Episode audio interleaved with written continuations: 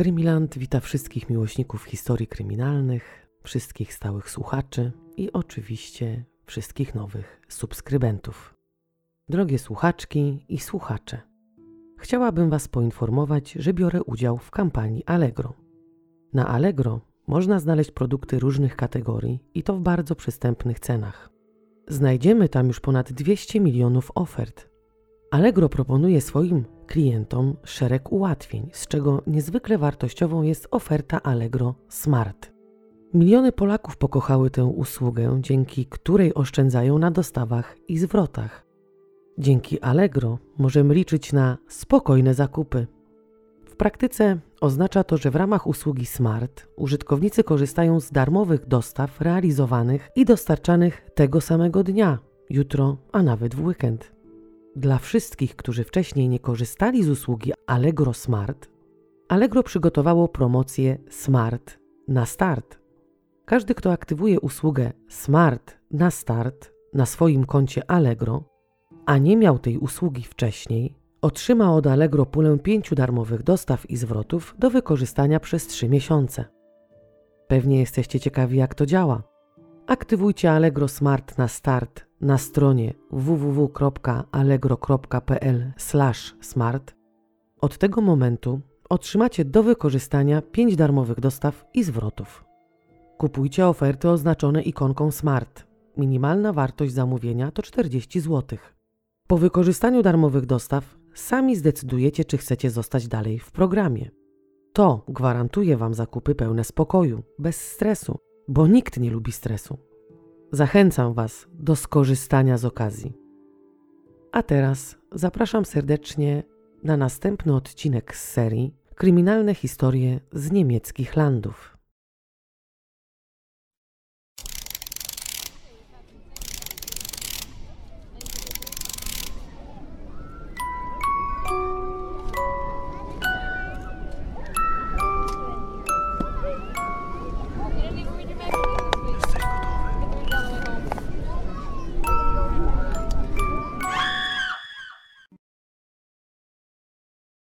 Alsdorf to miasteczko średniej wielkości leżące w regionie miejskim Aachen w nadrenii północnej Westfalii.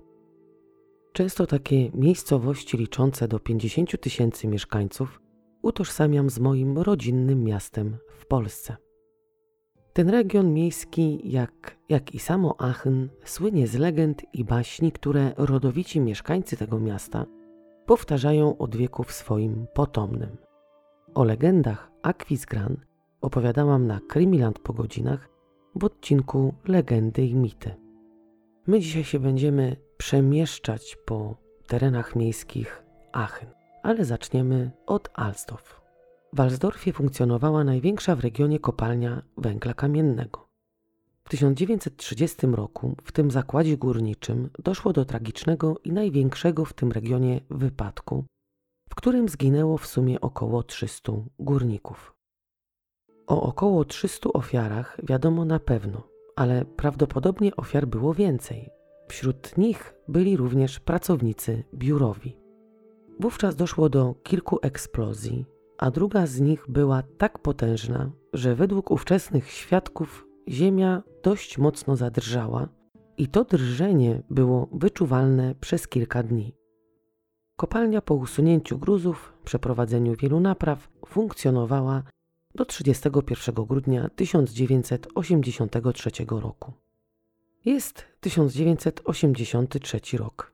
Od kilku miesięcy mieszkańcy Niemiec żyją sensacją, która dotyczyła pewnego odkrycia. A mianowicie znaleziono pamiętniki wodza III Rzeszy. Gazety, jedna przez drugą, wypisywały o niesamowitym znalezisku dotyczącym właśnie tych notatek pana z charakterystycznym wąsikiem. W gazetach podawano do wiadomości, że niedługo cieszący się dobrą opinią i ogromnymi nakładami hamburski magazyn informacyjny Stern wyda pierwszą serię na temat pamiętników. Po takiej informacji wszyscy z niecierpliwością czekali na druk nowego wydania tej właśnie gazety a kiedy już się pojawił, został natychmiast wykupiony. Trzy dni po wydaniu uczeni stwierdzili, że historię powinno napisać się w takim razie od nowa, bo według tego oryginalnego znaleziska nic się, co dotychczas zostało przez historyków ustalone, nie zgadzało. Cały entuzjazm trwał 12 dni. Po tych 12 dniach okazało się, że te całe dzienniki szefa III Rzeszy to po prostu podruba i kłamstwo. Ta niefortunna decyzja redakcji, nieuwaga i chęć zrobienia, zarobienia kasy naraziły Stern na ogromne straty finansowe i utratę dobrej opinii. No ale nie tylko sensacją dotyczącą pamiętników Hitlera w tych latach ludzie żyli. Niedobory energii i surowców w połączeniu z ogólnoświatowym kryzysem wzrostu i rosnącą konkurencją międzynarodową zakończyły stabilny, wysoki wzrost gospodarczy okresu powojennego, a także zakończyły wzrost pełnego zatrudnienia. W Niemczech było ponad 2 miliony bezrobotnych i próbowano za wszelką cenę zmniejszyć ich liczbę.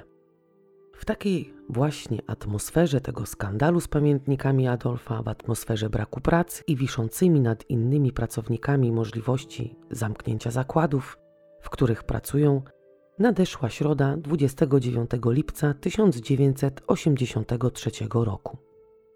To był piękny dzień i pomimo tego, iż było lato, temperatury nie były aż tak wysokie. W okolicach Alsdorf znajdują się piękne tereny, tłumnie uczęszczane przez spacerowiczów, jak i właścicieli psów. Znajduje się tam zamek Anna Park. Nieopodal jest kaplica upamiętniająca żołnierzy poległych w I jak i II wojnie światowej. Jest również wieża ciśnień, ogród zoologiczny i następny zamek, który tak naprawdę jest dworkiem wybudowanym z czerwonej cegły, ale mieszkańcy nazywają go zamkiem. Nieopodal tegoż właśnie budynku znajdują się stawy. Można powiedzieć, że to cichy, spokojny zakątek z alejkami otoczonymi drzewami i mnóstwem zieleni, jak i mnóstwem kwiatów. Dlatego przyciąga w te okolice wielu, jak już wspomniałam, spacerowiczów. W godzinach popołudniowych maszynista pracujący w jeszcze funkcjonującej wówczas kopalni Anna wraca z pracy do domu. Jedzie rowerem, drogą obok zamku w kierunku parku. W pewnym momencie, 10 metrów od alejki, z której właśnie wyjeżdżał, skręcił w krzaki za tak zwaną potrzebą. Przeszedł kilka kroków i w jednym ze stawów coś zauważył. Podszedł bliżej i uświadomił sobie, że patrzy na zwłoki.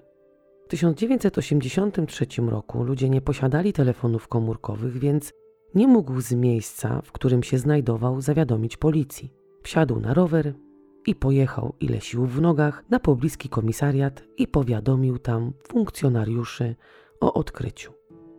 Na wskazane miejsce przez maszynistę przybyli najpierw policjanci, którzy mieli sprawdzić, czy to, co widział mężczyzna, jest rzeczywiście ciałem ludzkim. Później wezwano techników kryminalistycznych, prokuratora i lekarza sądowego. Ciało było prawie nagie, prawie, bo zwłoki miały na sobie majtki i bluzę. Przy denatce, bo była to kobieta, nie znaleziono żadnych dokumentów. W takich sytuacjach, kiedy zostaną znalezione zwłoki i nie ma przy nich dokumentów, w pierwszej kolejności sprawdzana jest baza osób zaginionych.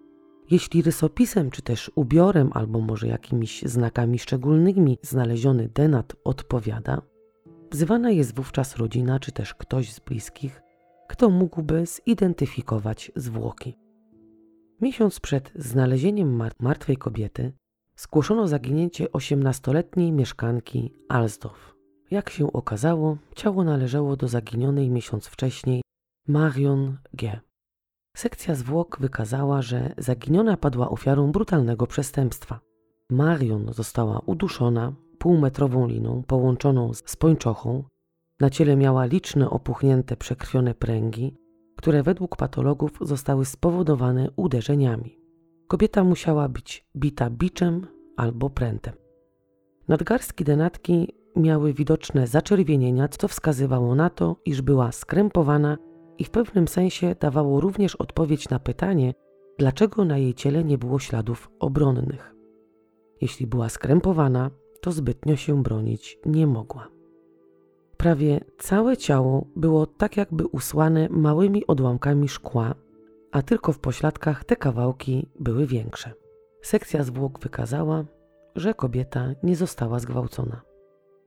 Zebrano ślady, którymi było 100 włókien znajdujących się na bluzie ofiary. Wszystko, co znaleziono wokół miejsca znalezienia zwłok, jak i wszystko, co tylko dało się pobrać z ciała zamordowanej kobiety, zostało dokładnie zebrane i zabezpieczone. Przeszukano pobliski teren i niestety, pomimo szczerych chęci, nie znaleziono reszty ubrań denatki. Śledczy po dokonanych oględzinach miejsca zbrodni, jak i po otrzymaniu raportu z sekcji zwłok, zrekonstruowali ostatnie godziny życia Marion. Osiemnastolatka, mieszkanka Alsdorf, miejscowości znajdującej się w regionie miejskim Aachen, 27 czerwca 1983 roku postanowiła odwiedzić swego chłopaka, który mieszkał w Herzogenrath, miejscowości oddalonej od Alsdorf o 6 kilometrów. Wszystko jest zależne oczywiście od tego, jaką drogę się wybierze. No ale nie było to jakoś specjalnie daleko. Dziewczyna prawie zawsze korzystała z okazji, czyli jeździła autostopem. Wówczas takie podróżowanie było w modzie i nikt jakoś specjalnie nikogo przed tego typu podróżami nie ostrzegał. Marion była, można powiedzieć, niezależna. Pracowała nie tylko jako barmanka, ale również jako komik w jednym z barów w mieście, w którym mieszkała. Miała w planach wyjazd na urlop, a że była zorganizowana, to już od kilku dni jej torby podróżne były spakowane i czekały na wyjazd, który miał się odbyć w lipcu. Chłopak, z którym się tego dnia spotkała, powiedział śledczym, że zamierzała wrócić do domu autostopem. Okazję miała złapać na przystanku autobusowym, znajdującym się niedaleko jego domu. Początkowo śledczy wzięli pod lupę chłopaka dziewczyny, jak i jej znajomych. Innej opcji, która mogłaby wskazać na przypadkowego mordercę, jak na razie nie brali pod uwagę. Przesłuchania, sprawdzanie alibi trwały. Aż w końcu, nie mając żadnych konkretnych tropów, uznano, że dziewczyna musiała wsiąść do auta mordercy, który zamiast podrzucić ją do Alsdorf, Niespodziewanie wjechał do lasu i tam próbował Marion zgwałcić. Myślał, że pójdzie mu łatwo, ale dziewczyna walczyła jak oszalała. Nie mogła, jak już wiecie, walczyć rękoma, ponieważ była skrępowana, na co wskazywały ślady na nadgarstkach, ale walczyła nogami do tego stopnia, że zbiła swemu oprawcy przednią szybę w aucie. Po stłuczeniu szyby walka nie ustała, dlatego całe ciało osiemnastolatki pokryte było szkłem, pośladkach wbite były większe jego kawałki. Pomimo walki i oporu, jaki stawiała, nie uratowała swego życia. Sprawca ją udusił i wyrzucił do stawu znajdującego się niedaleko zamku Ottenfeld. Śledztwo przebiegało rutynowo. Policja przeszukała okolice miejsca znalezienia zwłok w celu oczywiście znalezienia kajdanek, ubrań ofiary, czy może jakiegoś niedopałka papierosa, na którym mógłby znajdować się przykładowo odcisk palca. W latach 80. policja miała trochę ograniczone możliwości, jeśli chodzi o badanie śladów. Wówczas również inaczej wyglądało badanie takich odcisków palców. Zebrano dość sporo śladów, w tym, jak już tutaj wspomniałam, 100 włókien, mieli linę, mieli pończochę, odłamki szkła również zostały zebrane. Jednak pomimo tego, że posiadano te ślady, nie wszystkie wówczas badano, bo jak już wspomniałam, możliwości były ograniczone. Wszyscy policjanci zostali zaangażowani w poszukiwanie auta, które po 27 czerwca miało zmienianą szybę. Odwiedzono wszystkie warsztaty samochodowe w okolicy i przepytano ich właścicieli, czy nie pojawił się u nich ktokolwiek z rozbitą szybą. Jednak Szukanie, można powiedzieć, rodzaju szyby, jaką ma każde dane auto, to jak szukanie igły w stogu siana, bo akurat nie jest tak, że dane szkło jest przypisane do rodzaju samochodu. No ale przy okazji tego sprawdzania chcieli się również dowiedzieć, czy może sprawca mieszka gdzieś w okolicy, czy też był po prostu przejezdnym. Pomimo usilnych starań nie udało się namierzyć sprawcy, ani nie udało się mieć jakiegoś konkretnego tropu. Mija lato, jesień i nadchodzi zima. Jest 25 luty 1984 roku. Rolnik z Bruchweiden, jadący na pole swym traktorem, znajduje w wąwozie zwłoki dziewczyny. Nie były one jakoś specjalnie ukryte i można powiedzieć znajdowały się w okolicy terenu firmy, więc jeśli nie rolnik, to z pewnością ktoś inny znalazłby ciało. Specjaliści po oględzinach miejsca zbrodni, jak i ciała doszli do wniosku, że to morderstwo jest podobne do poprzedniego. Różni się tylko, albo aż tym, że tym razem ofiara została zgwałcona. A przyczyną śmierci było, tak jak w poprzednim przypadku, uduszenie. Tym razem śledczy znaleźli na jej ciele ślady wydzieliny. W latach 80. analiza takiego śladu mogła wykazać tylko, czy jest to krew, sperma, czy może ślina. Jednak wyodrębnienie próbki DNA nie było takie proste i można powiedzieć, że te badania były w powijakach. No ale można było również wówczas z takiej spermy wyodrębnić grupę krwi, co w pewnym sensie z jednej strony przybliżało śledczych do sprawcy, a z drugiej strony oddalało, bo prawie 50% populacji ma grupę 0, więc to znów w pewnym sensie stawiało śledztwo w miejscu. Śledczy jednak mieli pewne przekonanie, które mówiło o tym, że sprawcą przeważnie jest ktoś z bliskiego otoczenia ofiary, czyli podejrzewano wszystkich z kręgu bliskich znalezionej denatki. Znalezioną martwą dziewczyną była 16-letnia Andrea, mieszkanka Würselen. Lata 80. to dekada, w której w Niemczech sporo się działo, oprócz skandalu z pamiętnikami szefa III Rzeszy, oprócz bezrobocia, jakie wówczas panowało i przygnębiało mieszkańców tego państwa, bo na brak pracy nie narzekali tylko dorośli, ale również młodzież, oprócz komercjalizacji, budów kolejnych elektrowni jądrowych i braku ochrony środowiska, życie toczyło się dalej i wśród młodych ludzi rozkwitło wówczas wiele kultur młodzieżowych. To był taki czas, w którym, prawdę mówiąc, odebrano młodzieży beztroskę, bo rosły wśród młodych obawy o przyszłość, a co za tym idzie, wzrósł wskaźnik samobójstw. Młodzi ludzie wówczas, chcąc pokazać swój bunt przeciwko temu, co się dzieje, wyróżniali się od osób dorosłych ubiorem, rodzajem muzyki, której słuchają postawą, no i orientacją polityczną. Z tego właśnie powodu powstało wiele kultur młodzieżowych, a najpopularniejszą z nich był punk. Panki tak naprawdę buntowały się przeciwko władzy, rasizmowi, seksizmowi, homofobii i sprzeciwiali się wszelkim konwencjom, społeczeństwu konsumpcyjnemu i burżuazji. Byli anarchistami i prowokowali swoją estetyką brzydoty. Takim pankiem właśnie była Andrea. Szesnastolatka jak typowa pancura, nosiła irokeza pofarbowanego na biało, ubrania miała naszpikowane agrafkami, naszywkami, metalowymi łańcuszkami. Nosiła porwane spodnie i tak zwane glany. Dzień przed śmiercią w piątek postanowiła, tak jak zawsze zresztą w weekendy, wyjść do dyskoteki i się trochę zabawić. Dyskoteka, do której pojechała nastolatka, mieściła się w Herzogenrath. Typowym środkiem transportu, jaki stosowała, był autostop, więc i tym razem wybrała się do miejsca docelowego okazją. Wyszła z domu i do niego nigdy już nie wróciła. Następnego dnia w godzinach porannych rodzice nie byli zbytnio zaniepokojeni nieobecnością ich córki. Znali André i wiedzieli, że zwykle po dyskotece nocowała u swego chłopaka. Także bez obaw i większego stresu czekali na jej powrót. Kiedy jednak szesnastolatka nie wróciła po południu do domu, rodzice wraz z jej dziewiętnastoletnim bratem postanowili pojechać i jej poszukać.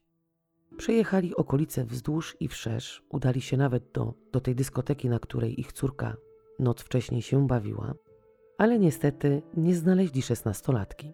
Policja wzięła pod lupę najbliższe otoczenie ofiary. Przepytywali ich, z kim była, gdzie była i dlaczego tym razem nie postanowiła przenocować u chłopaka, tylko zachciała wrócić do domu. Znaleziono dwóch świadków, którzy w nocy z 24 na 25 lutego widzieli dziewczynę stojącą na ulicy i próbującą złapać okazję. To był, można powiedzieć, ostatni raz, kiedy była widziana żywa. Następnie pod lupę wzięto miejscowego szklarza. Kilkakrotnie go przesłuchiwano, ale niestety z powodu braków dowodów musieli oddalić swe podejrzenia. Policja starała się jak mogła złapać sprawcę, ale pomimo wszelkich starań nie natrafiono na żaden trop. Minęła zima, wiosna, lato i nadeszła jesień 1984 roku. W lesie w Sugerat zostały znalezione ubrane tylko w stanik i rajstopy zwłoki. Specjaliści, którzy badali miejsce znalezienia zwłok, zauważyli, że denatka ma takie same ślady jak pozostałe dwie znalezione wcześniej kobiety, czyli ślady po krępowaniu na nadgarstkach, jak i ślady po prawdopodobnym biczowaniu czy też po uderzeniach prętem. Dziewczyna została uduszona i zgwałcona. Przeszukano okolice znalezienia zwłok, ale niestety, tak jak w dwóch pozostałych przypadkach, tak i w tym, nie znaleziono reszty ubrań ofiary ani żadnego śladu, który mógłby naprowadzić śledczych na jakiś trop. Patolodzy na ciele denatki znaleźli ślady wydzieliny, które przekazano do badań. 12 kwietnia 1985 roku wyemitowano w telewizji program Sygnatura Akt XY Sprawa Niewyjaśniona, w którym przedstawiono przebieg morderstwa ostatniej ofiary. W piątek 31 sierpnia 1984 roku rodzina zeznała na policji, że był to naj, najzwyklejszy dzień, nie różniący się od innych. 17-letnia Angelika i jej siostra odebrały paczkę z zamówionymi wcześniej kurtkami Anorex, które wówczas były w modzie. Później do 17-latki zadzwoniła jej przyjaciółka z pytaniem, czy wybiorą się na dyskotekę do Rock Fabric. Angelika przystała na tę propozycję i wstępnie umówiła się z Margit na dworcu. Wieczorem około 20 wzięła rower i pojechała na miejsce spotkania. Nastolatki postanowiły złapać okazję. Ci, którzy kiedykolwiek podróżowali autostopem, wiedzą, że łatwiej było złapać okazję, kiedy stało się na tej ulicy samemu niż w towarzystwie. Więc dziewczyny postanowiły również z dwóch różnych miejsc łapać tą okazję. Jeden z kierowców zatrzymał się i zabrał dziewczyny do miejsca, do którego chciały dojechać. Ogólnie to się okazało, iż, iż mężczyzna również zmierza do tej samej dyskoteki. Około godziny 24 Angelika, nie wiadomo dlaczego, nagle wyszła z dyskoteki. Jej koleżanka nie zdążyła zareagować, wybiegła za nią, ale niestety dziewczyny już nigdzie nie widziała. Po dyskotece wróciła do domu z tym samym kierowcą, z którym na tą dyskotekę przyjechała. Następnego dnia przyjaciółka Angeliki, będąca na dworcu, zauważyła stojący przypięty do słupka rower jej koleżanki. Zaniepokoiła się, ponieważ nigdy nie zdarzało się, żeby siedemnastolatka zostawiała go na noc na dworcu. Wróciła do domu i zadzwoniła do rodziców dziewczyny. Jak się okazało, dziewczyna od czasu wyjścia na dyskotekę nie wróciła do domu. Świadkowie, do których dotarła policja, widzieli Angelikę pół godziny po opuszczeniu przez nią dyskoteki, jak próbowała 6 kilometrów dalej złapać stopa. Pewna kobieta nawet się zatrzymała, ale niestety nie jechała w kierunku, w którym chciała jechać dziewczyna. I to był, można powiedzieć, ostatni raz, kiedy widziano ją żywą. Śledczy w programie zwrócili się do widzów o pomoc w ujęciu mordercy. Poprosili, żeby zwrócono szczególną uwagę na rzeczy, które miała wówczas na sobie ofiara. Być może sprawca zabrał te ubrania ze sobą i albo gdzieś wyrzucił, albo komuś oddał. Wszystko było przecież możliwe, więc każda wskazówka, jaką ktokolwiek by posiadał, była, można powiedzieć, na wagę złota. Żeby zachęcić potencjalnych świadków, śledczy dodał, że że dla tego, kto poda cenne wskazówki, które pomogą ująć sprawcę, wyznaczona została nagroda w wysokości 6 tysięcy marek. Jednak na tym się odcinek tego programu nie kończy. Ludzie siedzący przed odbiornikami widzą pogrzeb Angeliki, widzą jej najbliższych ubranych na czarno i kwiaty położone na świeżym grobie.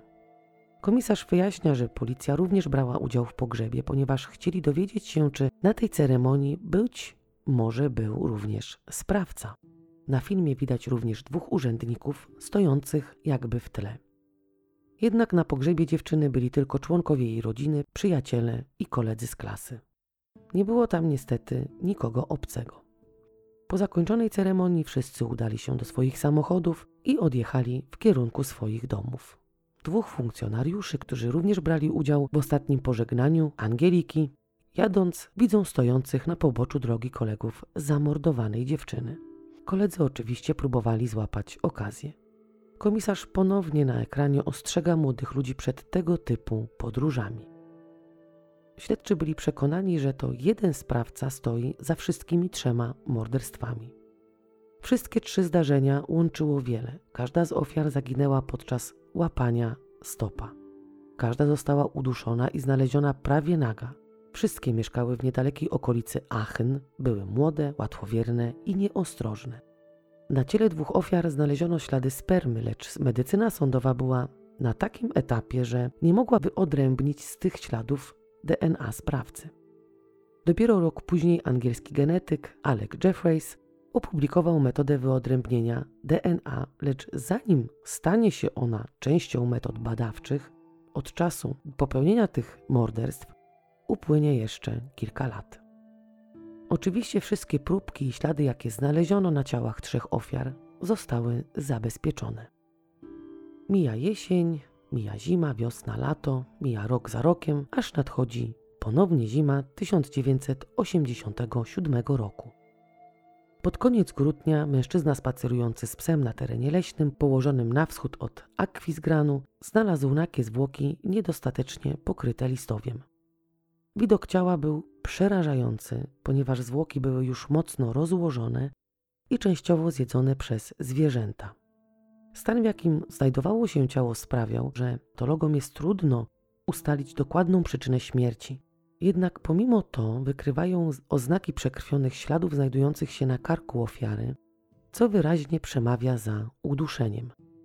Ofiarą była 18-letnia Marion L., uczennica Wyższej Szkoły Handlowej w Aachen. Dziewczyna, tak jak jej poprzedniczki, również chętnie i często podróżowała autostopem. Jest 29 października 1987 roku. Droga Amharbeck w Akwizgran jest niby położona blisko drogi A4, a jednak na uboczu. To obszar podmiejski. Tuż za rzędami domów są pola i zagajniki. Jest późny wieczór. Marion stoi na przystanku, nie czeka tam na autobus. Musi złapać stopa, bo nie ma pieniędzy, a nikt nie chce jej ich pożyczyć. Jak już tutaj mówiłam, podróżowanie autostopem było wówczas powszechne, więc taką opcję wybierali prawie wszyscy młodzi ludzie. Nikt wówczas nie myślał o zagrożeniach, jakie mogą na samotne, łapiące okazję młode dziewczyny czyhać. Marion jednak nie wraca do domu. Śledczy nie posiadają żadnych wskazówek, które mogłyby naprowadzić ich na jakikolwiek chociaż najmniejszy trop, który wskazałby im sprawcę. Morderstwo Marion powiększa akta i z trzech nierozwiązanych morderstw robią się cztery. Nie ma świadków, nikt nie widział, do jakiego samochodu wsiadła osiemnastolatka, nikt nic nie wie. Sprawa znów staje w miejscu. Ponownie mija zima, wiosna, lato, jesień. Mija rok za rokiem, aż nadchodzi 1990. Trzydziestoletnia Sabina uwielbia się bawić i uwielbia chodzić do dyskoteki. Nie dogaduje się już dobrze ze swoim mężem, z drugiej strony nawet nie próbuje ponownie znaleźć z nim jakiejś nici porozumienia. Wie doskonale o tym, że jej mąż ma już inną, ale pomimo tej wiedzy ciągle mieszkają razem wraz z synem Sabiny z pierwszego małżeństwa w dzielnicy Radenrad, która jest częścią miasta Heinsberg. To drugi mężczyzna w życiu kobiety i drugi jej nieudany związek. Jest piątek, 15 czerwca 1990 roku. Sabine postanawia udać się do dyskoteki w Insight, znajdującej się w Geilenkirchen. Żeby się tam dostać, wsiada do autobusu, który wiezie dyskotekowiczów pod sam adres klubu, w którym urządzona jest dyskoteka. Tej nocy kobieta dość długo przebywa w klubie. Świadkowie mówią, że widzieli ją nawet po godzinie trzeciej nad ranem. Znajomy chciał jej dać nawet pieniądze na taksówkę, jednak ta odmawia, mówiąc, że wróci do domu stopem. Następnego ranka jej syn zauważa, że łóżko jego matki jest puste. Wsiada na rower i kilka razy w te i z powrotem pokonuje odcinek drogi z Radenrad do Himmerich. Pokonuje go kilka razy, wyczekując matki, jednak jego wysiłki są daremne. Udaje się w końcu do ojczyma i pyta, gdzie jest mama. Mężczyzna nie potrafi mu na to pytanie odpowiedzieć. Zgłoszono zaginięcie kobiety, ale poszukiwania nie dały żadnego rezultatu. Policja podejrzewa, iż Sabine padła ofiarą przestępstwa i jak to bywa w większości zaginięć i tego typu spraw, pod czujne oko śledczych jest brane bliskie otoczenie zaginionej. Mąż kobiety, z którym i tak nie żyła w dobrych stosunkach, który jakby nie było ją zdradzał, stał się głównym podejrzanym. Podejrzenia stały się większe, bo po pierwsze na noc zaginięcia Sabine miał alibi, które dała mu jego nowa dziewczyna, a jak się później okazało, alibi było fałszywe. Po drugie, krótko po zaginięciu kobiety udał się ze swoją nową miłością, oficjalnie już, na Malediwy, co wśród jego znajomych, jak i znajomych zaginionej, wydało się działaniem podejrzanym i takim jakby bez serca. Ojciec zaginionej był policjantem i przez wiele lat ścigał swego zięcia, podejrzewając go o to, że ten miał wiele wspólnego z zaginięciem jego córki. 20 września 1990 roku śledczy myśleli, że nastąpi przełom w śledztwie. W lesie Hückelhöven znaleziono części ubrań należących do zaginionej Sabiny. Wśród tych ubrań było również coś w rodzaju knebla, zawiniętego w pończochę. Po rozwinięciu tego materiału okazał się on chusteczką z wyszytą tą literą E. Przeszukano dość spory obszar lasu, jednak ciała nie odnaleziono. Dopiero 21 czerwca 1991 roku myśliwy znajduje szkielet ludzki. Jak się później okazuje, jest to Sabine. Z powodu stanu, w jakim znajdowały się zwłoki, patolodzy nie mogli ustalić przyczyny śmierci ani tego, czy kobieta została zgwałcona. Jednak po znalezisku, jakiego dokonano, czyli znaleziono wówczas części ubrań kobiety, jak i knebel zawinięty w pończochę, uznano, iż trzydziestolatka jest piątą ofiarą seryjnego mordercy grasującego w okolicach Aachen. Pięć morderstw dokonanych w przeciągu siedmiu lat i nie ma żadnej wskazówki, która mogłaby naprowadzić śledczych na sprawcę. Każda z tych ofiar kolejno była ukrywana głębiej w lesie, co w pewnym sensie opóźniało ich znalezienie, jak i powodowało zatarcie śladów. A każdy znaleziony ślad powinien być w jak najlepszym stanie, żeby móc, o ile jeśli to możliwe, szybko wpaść na ślad sprawcy. Jeśli natomiast ciało zostaje znalezione po bardzo długim czasie od popełnienia morderstwa, wówczas te ślady się starzeją i nie zawsze nadają się już do analiz. Mijają pory roku i mijają lata. Śledczy nigdy nie zamknęli do końca akt z każdej ze spraw. Co jakiś czas wznawiali śledztwa. Przez ten czas mordercę nazywano różnie. Mówiono o nim morderca autostopowiczek, dyskotekowy morderca, a także nazywano go dusicielem z Aachen. W 1988 roku po raz pierwszy przekazali ślady, jakie udało im się znaleźć, do Federalnego Urzędu Kryminalnego w celu znalezienia dopasowań do przechowywanych tam profili DNA. Trzy lata później, kiedy te metody były bardziej szczegółowe, DNA można było ocenić wszechstronniej, śledczy ponownie przesyłają materiał do Federalnego Urzędu Kryminalnego i robią to trzeci raz w 2001 roku. Nic to jednak nie daje. Nikt nie miał wątpliwości, że te wszystkie pięć morderstw dokonała jedna osoba. Zbyt wiele łączyło ze sobą ofiary. Wszystkie chętnie podróżowały autostopem, łączyły je te same ślady znalezione przykładowo na nadgarstkach, sposób śmierci, gwałty, no i brak ubrań. Ich miejsca zamieszkania, które znajdowały się właśnie niedaleko Aachen, to nie mógł być również przypadek, dlatego śledczy wiedzieli doskonale, że szukają seryjnego mordercy. Jednak w czasach, kiedy dokonywano tych zbrodni, nie stosowano tzw. Tak profilowania geograficznego. Nie wiedziano wówczas o takiej możliwości i nie mieli pojęcia, że miejsca zamieszkania ofiar, jak i miejsca znalezienia zwłok mogą w dużej mierze naprowadzić na sprawcę albo zawęzić obszar poszukiwań. Metodę profilowania geograficznego opracował Kim Rosso, funkcjonariusz, który można powiedzieć był zwykłym lub też niezwykłym policjantem pracującym w patrolu w Vancouver. Mężczyzna badając wzorce, według których ludzie kradną, mordują, gwałcą, stworzył pewien program komputerowy, który miał pomóc śledczym w łapaniu przestępców. Rosso podsumował swe ustalenia mówiąc, że większość seryjnych przestępców postępuje według dwóch zasad. Pierwsza jest taka, że nie popełnia swoich zbrodni w bliskim sąsiedztwie, ponieważ byłoby to ryzykowne. Druga mówi o tym, że nie zapuszczają się zbyt daleko od domu, bo po pierwsze są wygodni, a po drugie okolice, w których grasują, są im bardzo dobrze znane. Podstawowa zasada profilowania geograficznego głosi, że przestępca nie popełnia przestępstw w przypadkowych miejscach, ale postępuje zgodnie z określonymi prawami. Niemieccy seryjni mordercy, którzy zostali złapani, również kierowali się tymi w cudzysłowie prawami. Jak się okazało, około 90% z nich działała w promilu około 30 km od miejsca ich zamieszkania i jeśli w przypadku podejrzenia, że ma się do czynienia z seryjnym mordercą, wprowadzi się dane geograficzne do programu, który stworzył Rosso, czyli miejsca znalezienia zwłok, czy też miejsca, w których ostatnio widziano ofiary, naszym oczom ukaże się mapka. Na tej mapie będzie obszar zaznaczony kolorem, w którym sprawca prawdopodobnie mieszka. Mapę również można wyświetlić w trzech wymiarach.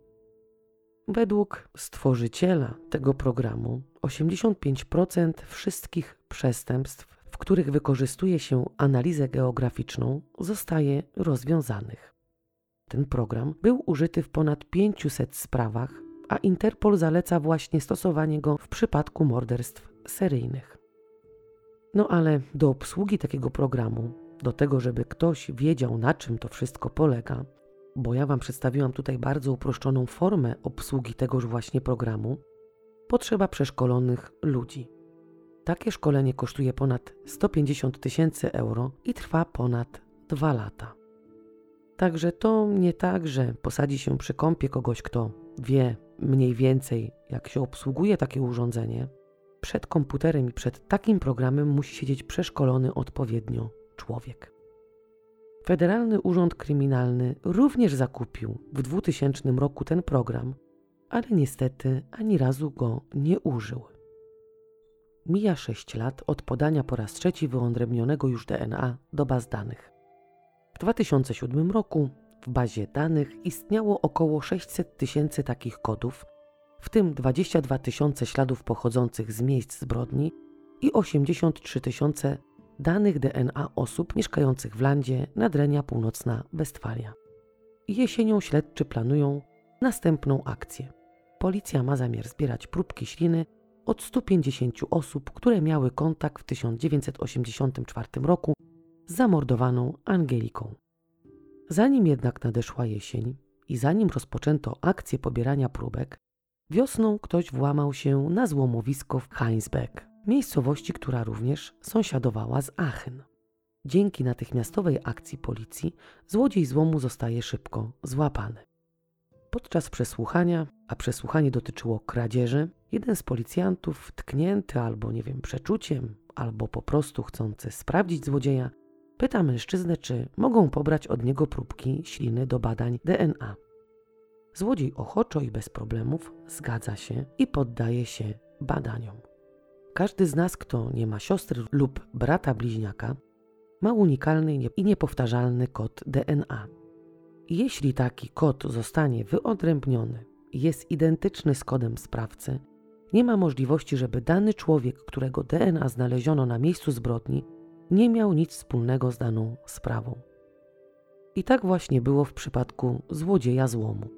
Porównano próbki DNA z próbkami, które znaleziono na ciele ofiar i okazało się, że gwałcicielem i mordercą jest mężczyzna, który wiosną 2007 roku włamał się na złomowisko.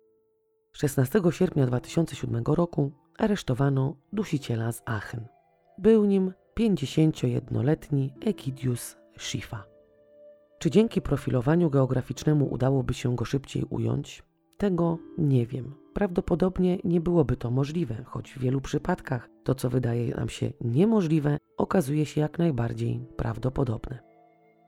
Egidius urodził się w maju 1956 roku w prawie 30-tysięcznym Bezweiler, miasteczku położonym 25 km od Aachen. Wiadomo, jego edukacja przebiegała tak jak każdego dziecka. Idzie do szkoły podstawowej, później do gimnazjum.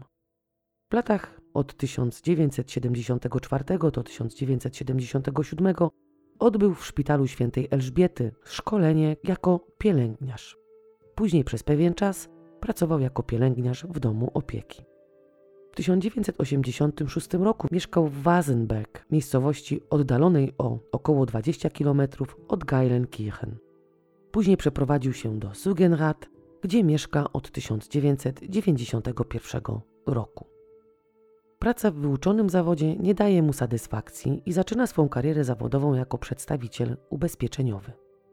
Mężczyzna z racji wykonywanego zawodu dużo pracuje, dużo podróżuje, poznaje różne kobiety i trzykrotnie się żeni. Przed 1990 rokiem Egidius mieszkał w Brüggen. Miał tam wielu przyjaciół, którzy nazywali go Egi. Grał w piłkę nożną i tenisa. Był szanowanym, popularnym członkiem społeczności.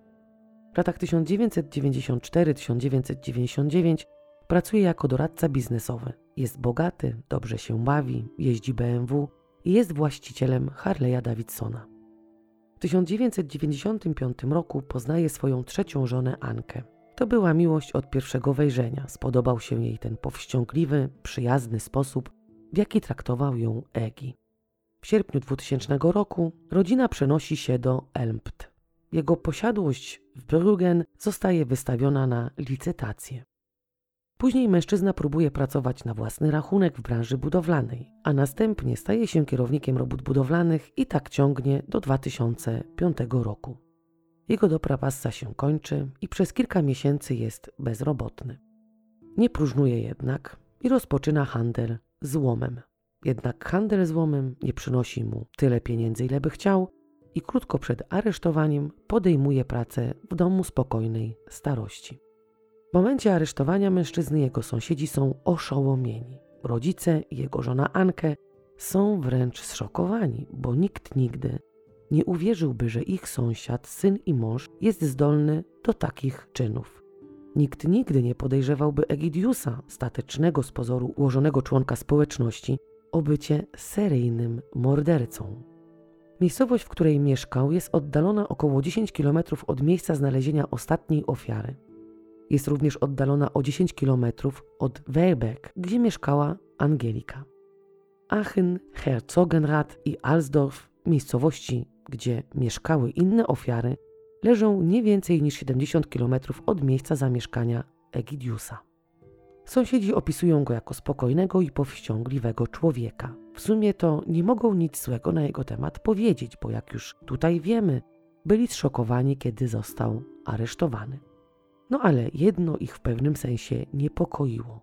To tylko to, że od czasu do czasu składował złom pod swoim garażem. Ogólnie sąsiedzi opisują rodzinę Schiffa jako kochających się ludzi.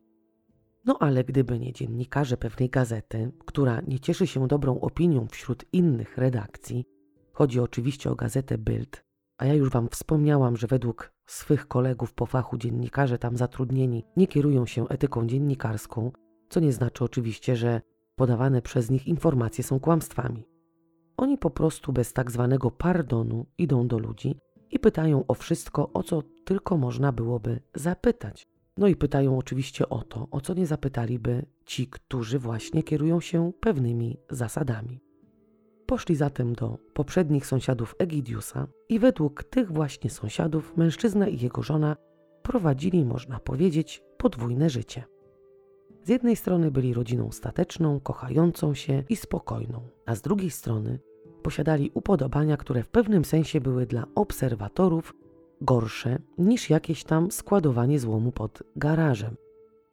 Egidius wraz z żoną, dość często, kiedy tylko pogoda na to pozwalała, urządzali orgie w ogrodzie przy basenie.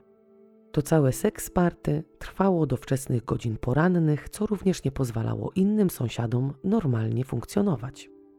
Orgie orgiami, ale Egidius swą piwnicę przerobił na studio sadomasochistyczne. Z sufitów zwisały haki, na ścianach wisiały ciężkie żelazne obręcze, do których można by było kogoś, kto jest na łańcuchu, przypiąć i go zniewolić. Masa pej czy łańcuchów i różnych akcesorii do tego zniewalania czy też dominowania nad partnerem, partnerką seksualną się tam też znajdowały. Ściany tego studia były pomalowane na różowo.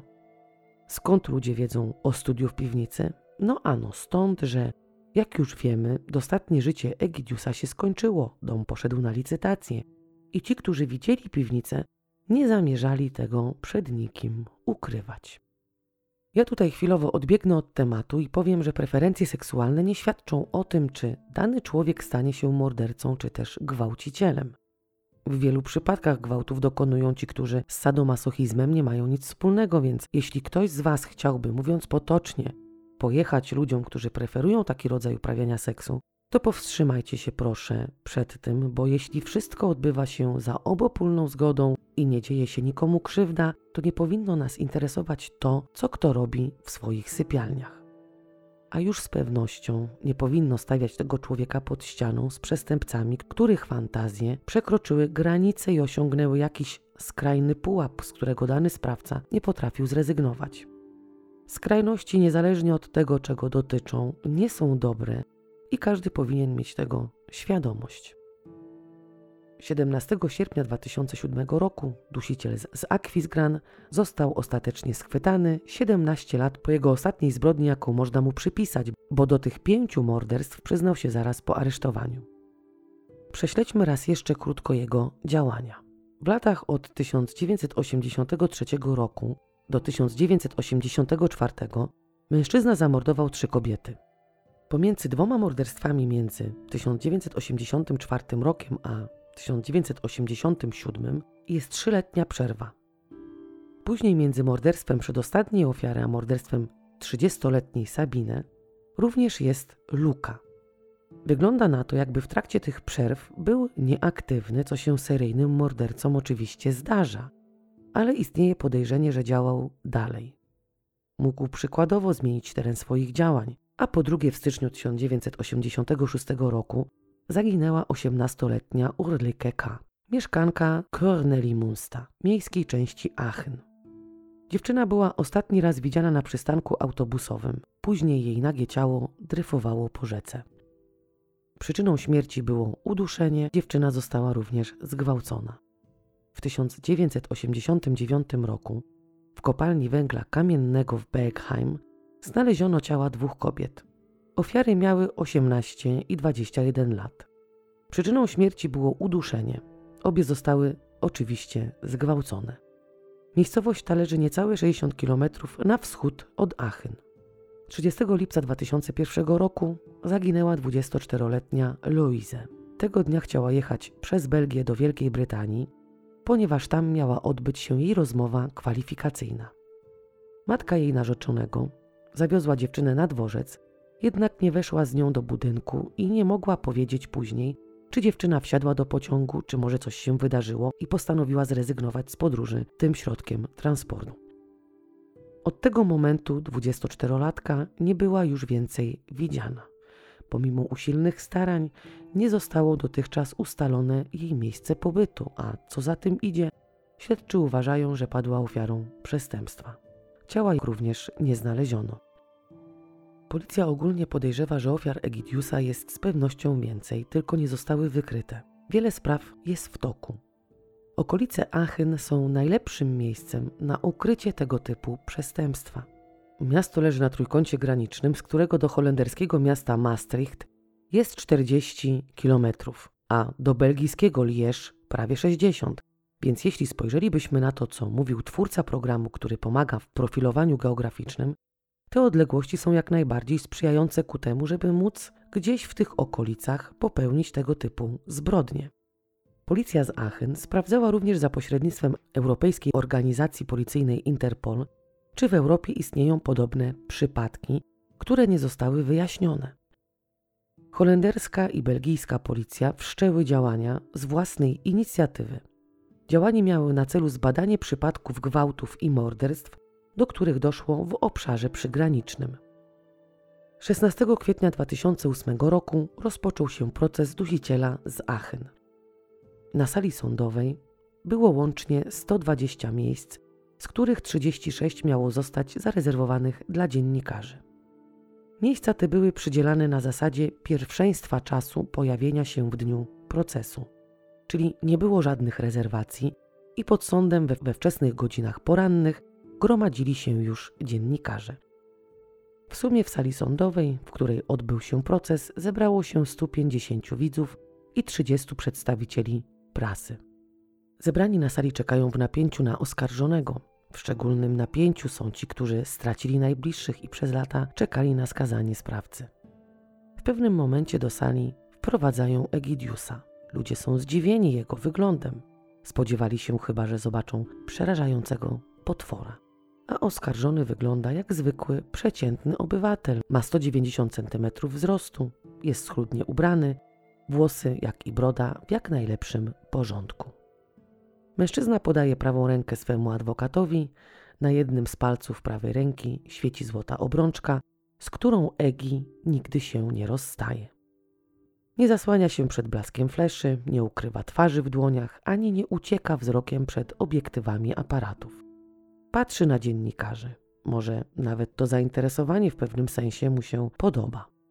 Następnie, kiedy światła fleszy gasną i rozpoczyna się proces, mężczyzna sztywnieje i przestaje się odzywać. Nie poruszy się, jedynie skinie głową na znak zgody, kiedy sędzia spyta go, czy jego dane się zgadzają. Następnie odczytano akt oskarżenia, według którego Egidius postępował zgodnie ze starym, utartym przez samego siebie schematem. Jeździł samochodem i szukał odpowiedniej ofiary. Kiedy już taką znalazł, początkowo jechał w kierunku, w którym zamierzała zmierzać każda z nich. Następnie zjeżdżał na odległe drogi wiejskie lub leśne, wiązał swe ofiary, bił i gwałcił. Pierwszą ofiarą, jak już wiemy, była osiemnastoletnia Marion. Najpierw zakuł w kajdanki, zakneblował i próbował zgwałcić. Jednak dziewczyna, pomimo iż miała skrępowane ręce, zawzięcie walczyła. Tak bardzo i mocno kopała, że Egi nie mógł sobie z nią poradzić. W związku z tym zaczął ją dusić, co sprawiło, że dziewczyna w strachu przed śmiercią kopała jeszcze mocniej i intensywniej. Tak kopała, że aż zbiła Egidiusowi przednią szybę w aucie. Kiedy już ją zabił, zerwał z niej ubrania i wyrzucił ją do stawu. Cała ta akcja z bronieniem się przez nią wyprowadziła go z równowagi, bo on chciał ją tylko zgwałcić, a nie zabijać. No ale kiedy zbiła mu tą szybę, wpadł w jeszcze większy szał, taki, że już gwałcić mu się odechciało, ale nie zrezygnował z zabicia jej. Szesnastoletnia Andrea, druga ofiara Egidiusa, również została przez niego, tak jak w utartym schemacie, najpierw zabrana z drogi, on później jechał z nią w kierunku, w którym dziewczyna chciała, żeby jechał, aż nagle skręcił w wiejską drogę. Zakłuł dziewczynę w kajdanki, zakneblował, zerwał z niej ubranie. Dziewczyna próbowała się ze wszystkich sił bronić, jednak nadaremno. Zgwałcił ją, a później już na tej wiejskiej drodze, na której znalazł jej ciało rolnik, udusił szesnastolatkę. Siedemnastoletnia Angelika, trzecia ofiara oskarżonego, również wpadła w jego sidła. Egidius postąpił z nią tak jak z jej poprzedniczkami.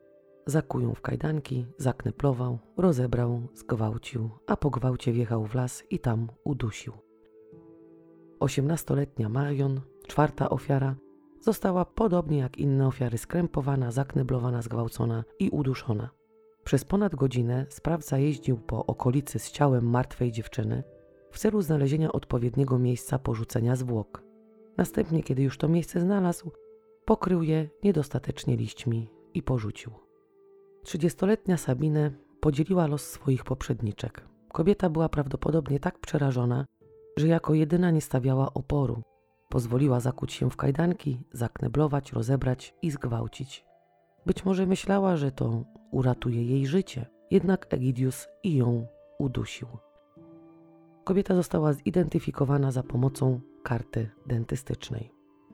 Egidius ogólnie na rozprawach nie przyznawał się do winy, ale po aresztowaniu, kiedy przedstawiono mu dowody w postaci wyników badań DNA, znalezionej chusteczki z jego inicjałem, jak i znalezionego rachunku z jednego z warsztatów samochodowych, który dzień po zamordowaniu pierwszej ofiary wymieniał mu przednią szybę w aucie, przyznał się i opisał przebieg każdego z morderstw. No i oczywiście zaprowadził śledczych na miejsca, w których znaleziono zwłoki jego ofiar. W dwóch przypadkach wskazał miejsca ze stuprocentową dokładnością. W pozostałych dwóch pomylił się o metr, a przy ostatnich stwierdził, że już tak do końca nie jest pewny, gdzie dokładnie ukrył zwłoki. Po czasie jednak odwołał swe zeznania i powiedział, cytuję: Jestem sadomasochistą. Wyznanie i opisy morderstw, jakie przedstawiłem, podnieciły mnie seksualnie, więc to wszystko wyznałem. Jednak to nie ja byłem sprawcą. Policja wszystko wymyśliła, źle wszystko spisali, kłamali i manipulowali mną. Koniec cytatu. Nie wziął jednak pod uwagę tego, że to, co powiedział, zgadzało się ze śladami znalezionymi na miejscu zbrodni. Po drugie, znaleziono jego spermę i wiele innych dowodów, jednak mężczyzna nadal utrzymywał, że jest niewinny. Podczas krótkiej rozmowy z dziennikarzem, który pisze dla gazety Spiegel, powiedział znów, że jest zdeterminowanym masochistą, że przyznał się początkowo do zbrodni, ponieważ ekscytowało go samo przesłuchanie i perspektywa uwięzienia. Adwokat Egidiusa bronił go niczym lew i ciągle powtarzał, że jego klient jest masochistą, stroną uległą, lubi być torturowany przez swoją żonę Ankę, która była w seksie stroną dominującą i to ona często i gęsto torturowała go do utraty przytomności. Rodziny ofiar na słowa padające z ust adwokata Egidiusa reagują oburzeniem. Przez lata pragnęli ujęcia sprawcy kiedy już go ujęto, kiedy stanął przed sądem, zaistniała obawa, że może nie zostać skazany. Syn Sabine, dorosły już człowiek, który sam jest już ojcem, uczestniczył również w rozprawach. Jak sam stwierdził, chce zaznać spokoju, ponieważ przez lata jego dziadek policjant uważał, że mordercą jego córki jest jej mąż. On jako chłopiec też w to poniekąd uwierzył. Kiedy dowiedział się, że morderca jego matki został ujęty, a nie był to jego ojczym, częściowo kamień spadł mu z serca. Chciał uczestniczyć w rozprawach i kiedy poprosił swojego szefa o urlop na ten czas, ten zwolnił go z pracy. Mężczyzna nawet przez chwilę nie dopuszczał do siebie myśli, że Egidius zostanie oczyszczony z zarzutów. Brat szesnastoletni Andrei i jego rodzice również byli obecni na sali rozpraw. Kiedy jego siostra zginęła, miał 19 lat i uczył się w szkole policyjnej. Sprawa morderstwa jego siostry przez te wszystkie lata nie dawała mu spokoju. Pamięta desperackie poszukiwania siostry, pamięta jak rodzice otrzymali straszną wiadomość o tym, że ich dziecko zostało brutalnie zamordowane. Ojciec siedział na sali rozpraw i płakał. Powiedział później, że jego córka tego dnia umarła po raz drugi. W trakcie rozprawy zeznawały również żony Egidiusa. Ostatnia z nich, Ankę, w dzień rozprawy nie stawiła się na przesłuchanie. Przesłała zwolnienie lekarskie. Kobieta oznajmiła, że ma depresję, lęki i zaburzenia snu. Nie czuła się tak oczywiście z powodu tego, że jej mąż został aresztowany. Przed rozprawami i pomiędzy nimi, zanim przyszła pora na jej zeznania przed sądem, dawała wywiady wszystkim możliwym dziennikarzom, którzy chętnie o niej i o tym, co mówiła, pisali artykuły. W jednym z nich kobieta mówi, cytuję: To był seks sadomaso. Zawarliśmy układ niewolniczy. W piwnicy zbudowaliśmy salę tortur z drewnianym stojakiem, łańcuchami i różnymi innymi potrzebnymi do tego akcesoriami. Spotkania w sali tortur odbywały się w każdą środę, czasami nawet trwały przez cały dzień. Często w trakcie tych spotkań mój mąż tracił przytomność i miał poważne rany. Koniec cytatu. W innym znów artykule mówi o tym, że ta umowa niewolnicza, jaką zawarła z mężem, była umową, która mówiła również o tym, że on ma jej nigdy nie okłamać, więc nie wierzy w jego czyny, ponieważ on jej o tym nie powiedział. W następnym artykule, kiedy już przeczytała te poprzednie ze swoim udziałem, uznała, że teraz już nie ma szans na akceptację w społeczeństwie i nie może w ogóle opuścić mieszkania. Tak jakby wcześniej nie była świadoma swoich słów i tego, że jej wizerunek pojawi się na pierwszych stronach gazet. Sama przecież się na to zgodziła. Sędzia był zdziwiony postawą ostatniej żony oskarżonego, bo przecież chętnie wypowiadała się w temacie ich pożycia seksualnego, a tu nagle uznała, że niestety już nic więcej nie ma do powiedzenia. Pierwsza żona Egidiusa mówiła o tym, że jej małżeństwo trwało tylko 15 miesięcy. Pewnej nocy uciekła z domu, ponieważ mąż był w stosunku do niej agresywny. Kneblował ją, krępował i podczas seksu znęcał się nad nią. Zmuszał ją do noszenia gorsetu i uprawiania z nią seksu. Według tego, co zeznała, w ciągu tych 15 miesięcy jej mąż zgwałcił ją 20 albo 30 razy. Kiedy nie była posłuszna, podduszał ją i bił. Kiedyś uciekła przed nim nawet do łazienki. To ten wyważył drzwi kopniakiem i ją zgwałcił. Po rozwodzie kobieta starała się wymazać wszystkie wspomnienia, jakie łączyły ją z jej byłym mężem. Zniszczyła akt małżeństwa, spaliła wszystkie wspólne zdjęcia. Jednak mózg to nie dysk twardy, który można za pomocą jednego przycisku wyczyścić. Kobieta przez lata borykała i boryka się z traumą, jaką pozostawił jej po sobie Egidius. Druga żona oskarżonego przesłuchiwana jest za zamkniętymi drzwiami. Nie chce, żeby ktokolwiek kojarzył ją z seryjnym mordercą. Była żoną dusiciela w Achyn przez 13 lat. Dokładnie w tym czasie Egidius dokonał morderstw, które można było mu udowodnić. Według jej zeznań mąż nie był dominujący. Zamiast tego to ona musiała go biczować, czego wręcz nienawidziła.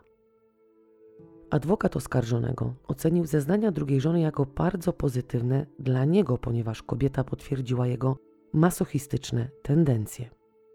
Prawnik mordercy zaznacza, że jego klient był kochającym i wyrozumiałym mężem, że nie był potworem.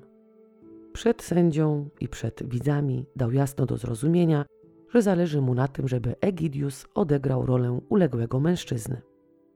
Prawnik oskarżonego nie odpuszcza, przedstawia dowody, które mogą wskazać, że pewność co do winy Egidiusa może zostać zachwiana. Na ciele Andrei znaleziono nie tylko ślady spermy, której kod DNA należał do oskarżonego, znaleziono również włos łonowy męski, którego nie można było przypisać do Egidiusa. Wówczas, kiedy znaleziono martwą Andreę, policja podejrzewała wiele osób. Mężczyzna, który był właśnie najbardziej o to podejrzewany w 1987 roku, popełnił samobójstwo. Adwokat mówił sędziemu, że doszły go słuchy, iż samobójca zostawił list pożegnalny. Jednak nikt nie wie, gdzie jest ten list i czy on w ogóle istnieje. Sędzia odpowiedział spokojnie, że list samobójcy to tylko pogłoski. W końcu na salę rozpraw dociera trzecia żona Egidiusa. Nie mogła już dłużej przedłużać swojego zwolnienia lekarskiego, a poza tym od tygodni udzielała ponownie wywiadów i pozwalała się fotografować w lateksie i z łańcuchami.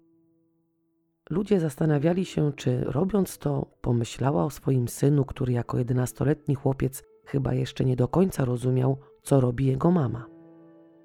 Ankę przed sądem mówi, że jej mąż nigdy jej nie okłamał, że kiedy go aresztowano, powiedział jej, że to nie był on i jej to po prostu wystarczyło. Poza tym powtarzała przed sądem to samo, co mówiła podczas dawania wywiadów. Mówiła, że Egi uwielbia być poniżany, dręczony, uwielbia czuć się gorszym.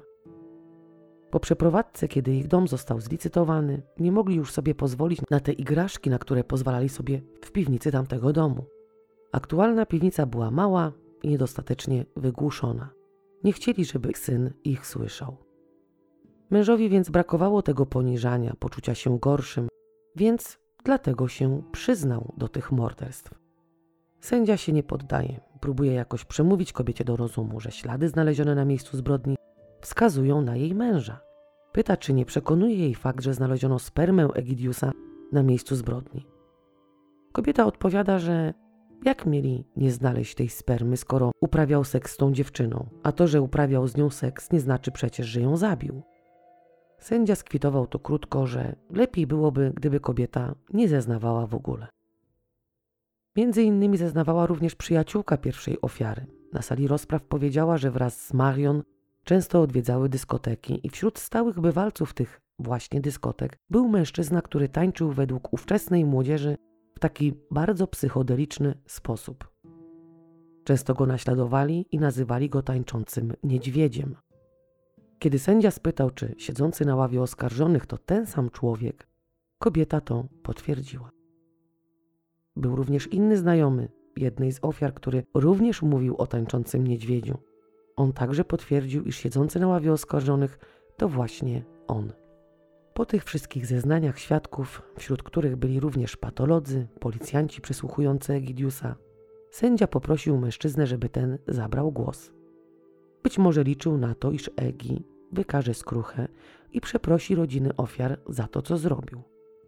Ten natomiast nikogo przepraszać nie zamierzał, ale powiedział, że jest ofiarą spisku policyjnego i sądowego, że jest niewinnym, porządnym obywatelem, który jest kozłem ofiarnym. No tak całkiem niewinny to on nie był, bo przecież został tak jakby przyłapany na kradzieży złomu. Na pytania skąd posiadał wiedzę na temat porzucenia zwłok, sposobu przebiegu zbrodni, ten odpowiedział, że wszystkie te morderstwa były tak jakby wioskowymi pogawędkami i wszędzie o tym mówiono i stąd właśnie posiadał tą wiedzę. Psychiatrzy uznali, że w przypadku Egidiusa nie ma kryteriów, które mogłyby wskazać na ograniczenie odpowiedzialności karnej. 19 sierpnia 2008 roku rozprawa nie trwa długo. Zostaje tam odczytany wyrok. Cytuję. Egidus Shifa zostaje skazany na dożywocie za dokonanie pięciu morderstw połączeniu z dwoma zarzutami gwałtu. Sąd dodatkowo określa szczególną wagę winy, co oznacza, że skazany może wystąpić o zwolnienie warunkowe najwcześniej po 20 latach, a wtedy będzie miał już 72 lata. Koniec cytatu. 24 czerwca 2009 roku prawnicy Egidiusa złożyli apelację, która bez podania przyczyny została odrzucona. Egidius musiał pogodzić się z myślą, że spędzi resztę życia w więzieniu. Anke, żona mężczyzny, nigdy nie przestała wierzyć w jego niewinność i w 2010 roku wystąpiła w reportażu, w którym również zaprzeczała winie Egidiusa. Mijają lata, Egidius jako więzień nie jest problemowy, nie wykazuje chęci popełnienia samobójstwa, więc nie jest jakoś specjalnie co 15 minut sprawdzany. Nadchodzi 22 lipiec 2018 roku. Rankiem, kiedy strażnicy robią obchód, odkrywają ciało pana Schifa. Sposób, w jaki zmarł mężczyzna, był początkowo skrzętnie ukrywany przed dziennikarzami. Podano do wiadomości publicznej, że sekcja zwłok wykazała, iż nastąpiło zatrzymanie akcji serca. Jednak dziennikarze koniecznie chcieli się dowiedzieć, co się tak naprawdę stało. Czy wcześniej mężczyzna zgłaszał jakieś problemy z sercem, czy może ktoś mu pomógł pożegnać się z tym światem. Prokuratura również wszczęła śledztwo, bo w takich przypadkach zawsze istnieje obawa, iż więźniowi ktoś spoza jego celi mógł pomóc przenieść się na tamten świat. W końcu wyszło na jaw, że Egidius przerobił kabel z lampy, jaką miał w celi. Nie wiem dokładnie, o którą lampę chodzi, czy tą wiszącą na suficie, czy taką lampę nocną. Przerobił ją tak, że podłączając swe erogenne części ciała do tych kabli i władając wtyczkę do prądu, mógł sobie stymulować te miejsca. On tak myślał, że on sobie będzie mógł je stymulować, jednak chyba nie pomyślał, że prąd znajdujący się w gniazdku może go nie tylko dobrze popieścić, ale również i zabić. Podłączył sobie sutki i tą najważniejszą męską część ciała, wsadził wtyczkę do prądu i nastąpił koniec jego żywota. Śledztwo prowadzone przez prokuraturę nie wykazało działania osób trzecich.